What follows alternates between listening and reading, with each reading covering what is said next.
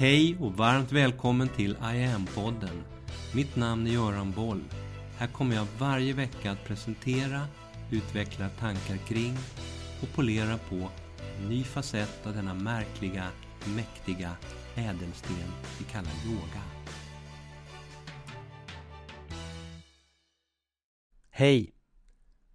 Idag tänkte jag återkoppla till en del av det som jag har pratat om de senaste veckorna i de olika poddarna kring vad yoga är och vad yoga kan vara.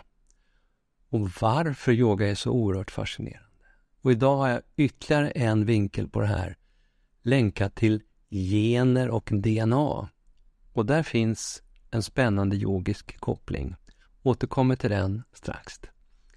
Att vi vet att vi har gener och DNA det är resultatet av många olika forskares ansträngningar från 1869 ungefär och framåt. Där schweiziska, ryska, amerikanska, brittiska och andra forskare har bidragit till det genetiska pusslet som förklarar hur DNA fungerar, hur den kopieras när en cell delar sig och sen förs vidare från generation till generation. Hur en enkel molekyl kan ligga bakom all den komplexitet som livet på jorden uppvisar, från knott och bananflugor till delfiner och människor. Allt det här anses vara en av de viktigaste vetenskapliga upptäckterna i modern tid. Det har resulterat i många nobelpris och lett till utvecklingen av hela den moderna molekylärbiologin. Länge så trodde man att Genernas uttryck var spikade, färdiga redan i livmodern. Hade jag med mig en viss genuppsättning så fick jag sedan leva med den. Men det var då. Nu är det nya spännande besked som gäller. Sedan ett par årtionden tillbaka så har kunskapen om hur genetiken också påverkas av livsstilen och miljön, det man idag kallar epigenetik. Den kunskapen har ökat dramatiskt. Idag vet vi att allting i livet påverkar oss, ända ner på cell och DNA-nivå. Maten vi äter, luften vi andas, orden vi talar, de ekologiska systemen vi lever i. Allt bidrar till att slå på och slå av uttrycket av våra gener och DNA. Våra tankar och vår uppfattning om världen som vi lever i, övertygelser, bön, meditation med mera. Både vår yttre och hela vår inre miljö genererar otaliga förändringar i kropp och hjärna som påverkar hur generna skickar instruktioner till alla våra celler. Så hur ser det då ut där inne, inne i cellen? DNA är den struktur, det kemiska ämne, den molekyl inne i cellen som bär arvsmassan, hela den genetiska informationen om dig och mig i oss. Den finns i identiska kopior i varje cell i din kropp och dess huvudsakliga funktion är att långtidsförvara information som påverkar din utveckling och alla dina funktioner. Man kan likna det vid en programkod eller ett recept eftersom din DNA innehåller alla instruktioner som behövs för att skapa nya celler i hela din kropp. DNA-molekylen består av två långa trådar, trådar eller kedjor, två meter långa. Ja, du hörde rätt. Två meter DNA i varje cell i din kropp. Väger du 75 kilo så har du cirka en biljon celler per kilo kroppsvikt, alltså 75 biljoner celler. Det är 75 000 miljarder celler i din kropp två meter DNA i varje cell. Lägger du alla dina DNA-trådar efter varandra så blir det ofattbara 15 miljarder mil långt snöre av det där. De här DNA-trådarna är i cellen lindade runt varandra och bildar en tredimensionell spiral, en så kallad dubbelhelix. I cellen så arrangeras din DNA i långa strukturer som kallas kromosomer som kopierar sig själva innan cellen delar sig för att kunna bevara den genetiska informationen intakt i både den gamla och den nya cellen som knoppar av sig. Cellen läser av generna och tillverkar sedan precis just det protein som respektive gen beskriver. Olika sorters celler använder olika recept att läsa av och avkoda. En muskelcell till exempel läser av de proteiner som bygger muskler. En hjärncell läser av de proteiner som hjärnan behöver och så vidare. Och hur vet då cellen vilka gener den ska läsa av? Jo, det sitter små klisterlappar där det tydligt står använd, använd inte. Och de gener som ska användas i muskelcellen, de är aktiva där och andra gener som inte ska användas är inaktiva. Och det är olika specifika recept för olika typer av celler. Och nu kommer vi till det här med epigenetiken. De här receptlapparna de kallas för epigenetiska flaggor. Och de ser till att varje cell följer just sitt recept. Och de där flaggorna de påverkas av miljön, kosten, hur du motionerar, miljögifter med mera. Det man har sett är att du kan ärva egenskaper som har orsakats av dina föräldrars miljö och inte bara från deras gener. Miljön som dina föräldrar levde i kan ha gjort så att en sån här epigenetisk flagga i något sammanhang hamnade på en ny plats på en kromosom i deras respektive könsceller. Och vid befruktningen så kan sedan den där flaggan följa med in i din allra första cell och då ärver du något som orsakats av dina föräldrars miljö. Och det här har man sett i mycket forskning. Under fosterstadiet inne i mammas mage så sker sedan den mest aktiva epigenetiska programmeringen av dina gener. När du var ett växande foster i din mammas livmoder så påverkades du av vad hon åt, vad hon drack, hur hon vilade, hur hon stressade, om hon var lycklig eller olycklig, deprimerad och så vidare. Eventuella miljögifter hon utsattes för. Trots att epigenetik är ett relativt ungt forskningsfält så vet forskarna idag att epigenetiska mekanismer har betydelse bland annat för sjukdomsutvecklingen genom livet. Man har exempelvis sett att fysisk aktivitet har epigenetiska effekter. Motion och annan fysträning har i forskning gett effekt på sockeromsättningen, kroppens energibalans, immunförsvaret och på genernas funktioner både i skelettmuskulatur och fettvävnad. Men det är ännu mer subtilt än så. Orden vi uttalar, våra tankar, våra känslor, övertygelser, våra egna intentioner.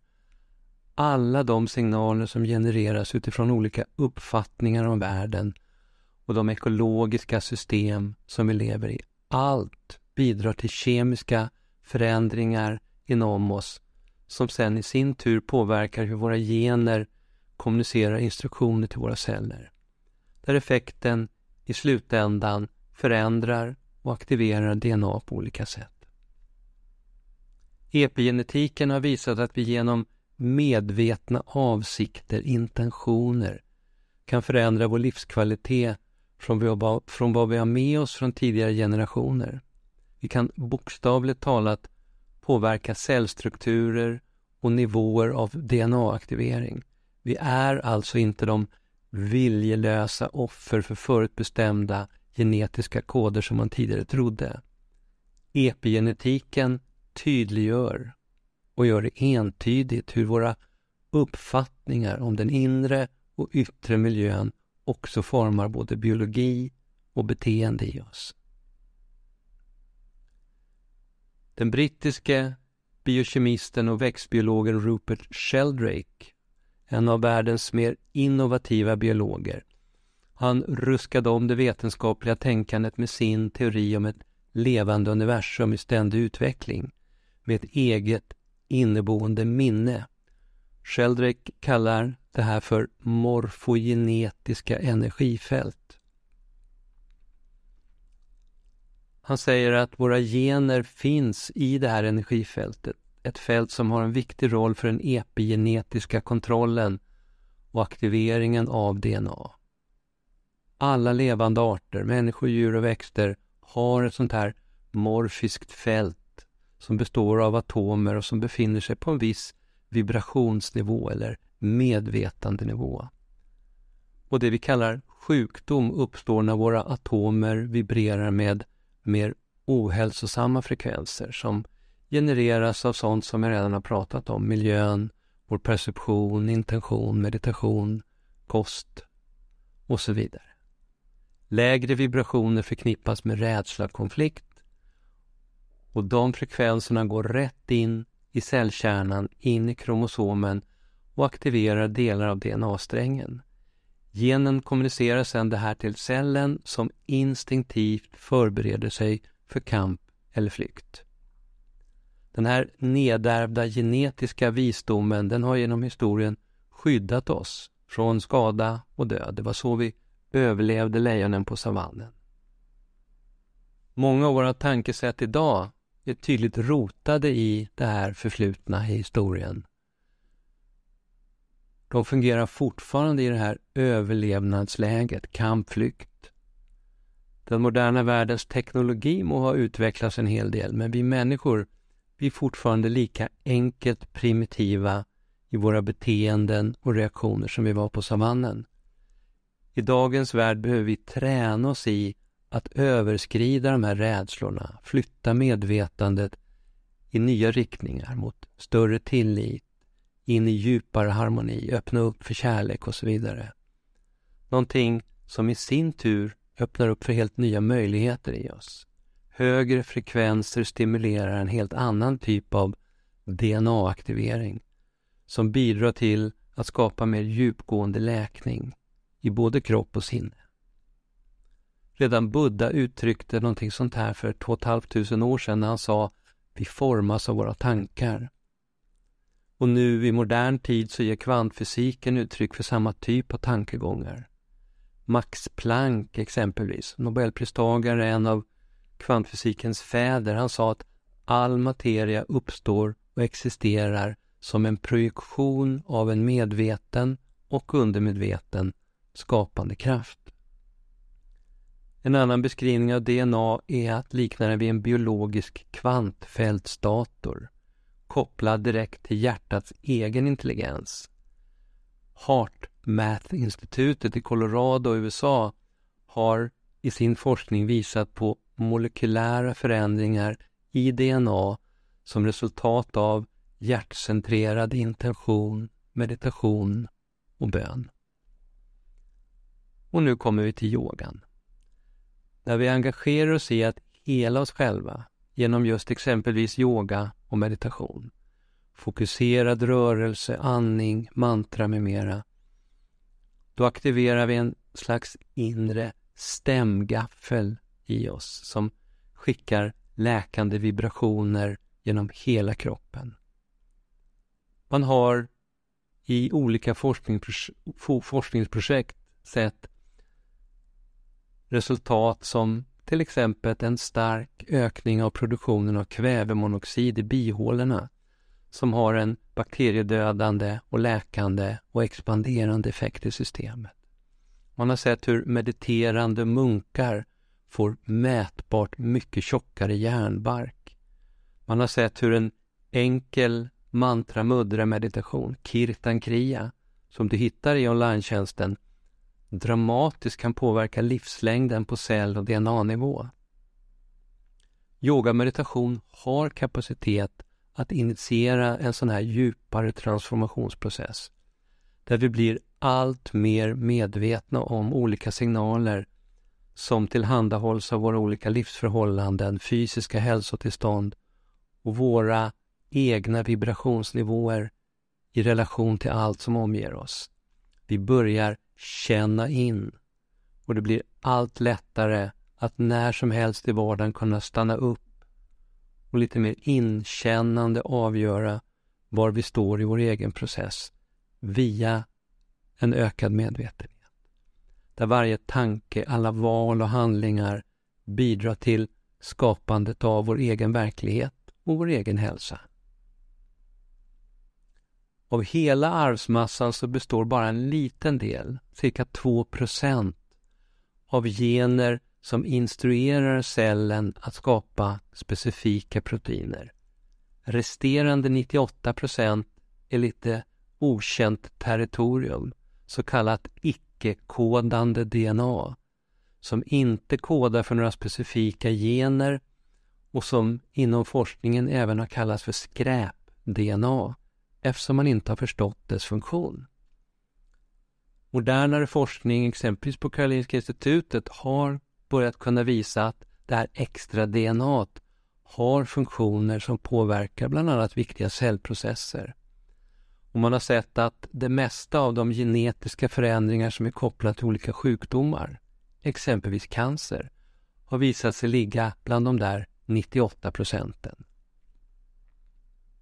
Det är med andra ord lite som med astronomin och universum.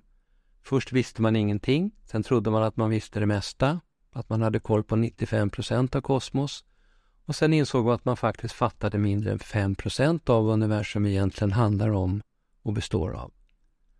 Att naturen, som är så intrikat elegant i sitt skapande av liv i alla former, skulle säga ja, jag tror att jag fyller människans mest avancerade, livsförnyande, livsuppehållande system, den mänskliga cellen, där det sker minst en miljard med varandra interagerande processer varje sekund.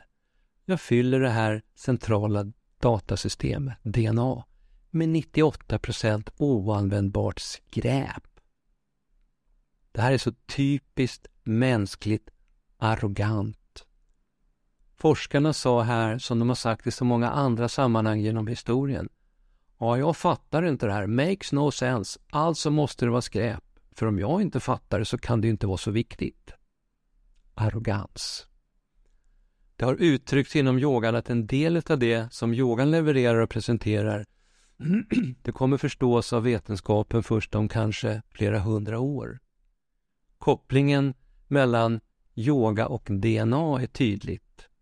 De två sammanflätade trådarna i DNA-spiralen återspeglar yogans traditionella beskrivning av Ida och Pingala.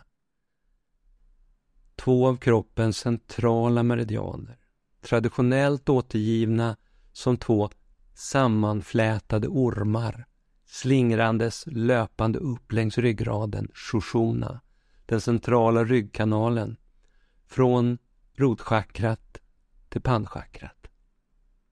Den här symbolen, den återkommer genom historien, bland annat i Kadyssevstaven som i sina två ormar bars av den grekiske guden Hermes och den romerske guden Merkurius. Man har även hittat den på 6000 år gamla lerkrukor vid utgrävningar i staden Lagos i det som en gång var gamla Mesopotamien. Den yogiska medvetandeprocessen handlar om att väcka vår slumrande, omedvetna potential, kundalini, och få den att flöda upp genom shoshona, koppla samman alla polariteter i oss, manligt, kvinnligt, danat, shiva shakti, yin och yang och så vidare. Och skapa fullständig medvetenhet på alla plan i varenda kromosom och lyser upp varenda DNA-sträng i varenda cell i din kropp. Connecta med en större, den där slumrande potentialen som finns i dig och hos oss alla. Varje frisk cell i din kropp fungerar som en harmonisk helhet med alla andra celler till fördel för hela kroppen och din totala hälsa. Man kan se yoga meditation som ett sätt att ta sig tid att prata med kroppen, med alla enskilda celler, direkt utifrån själens och hjärtats klarsynthet och visdom. Det är en bra sammanfattning av vad yoga i grunden handlar om, yoga och meditation.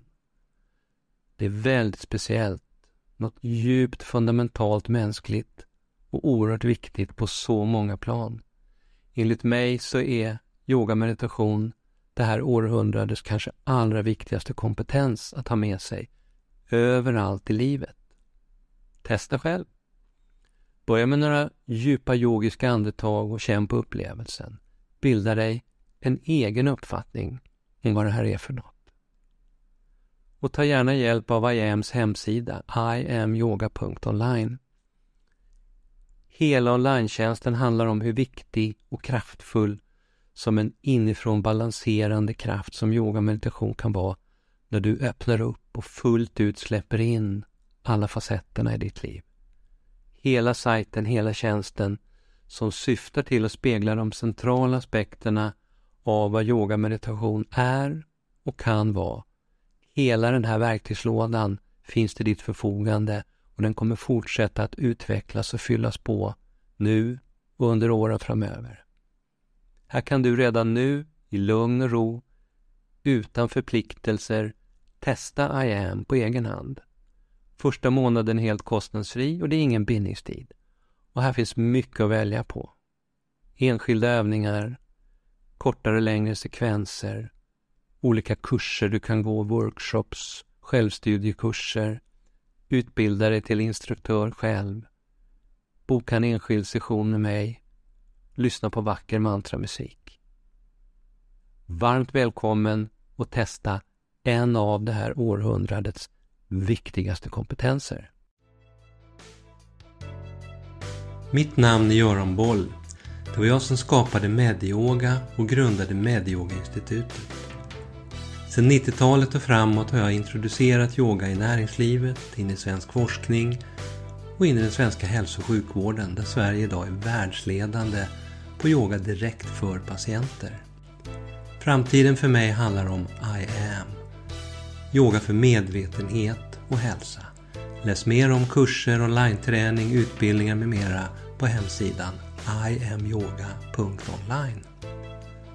Följ oss gärna på sociala medier och tycker du om de här poddarna så tar jag tacksamt emot om du vill gå in på iTunes, Spotify och där poddar finns och ge mig ett betyg så vi blir fler som hittar in i yogans värld. Tack för att du lyssnar och delar.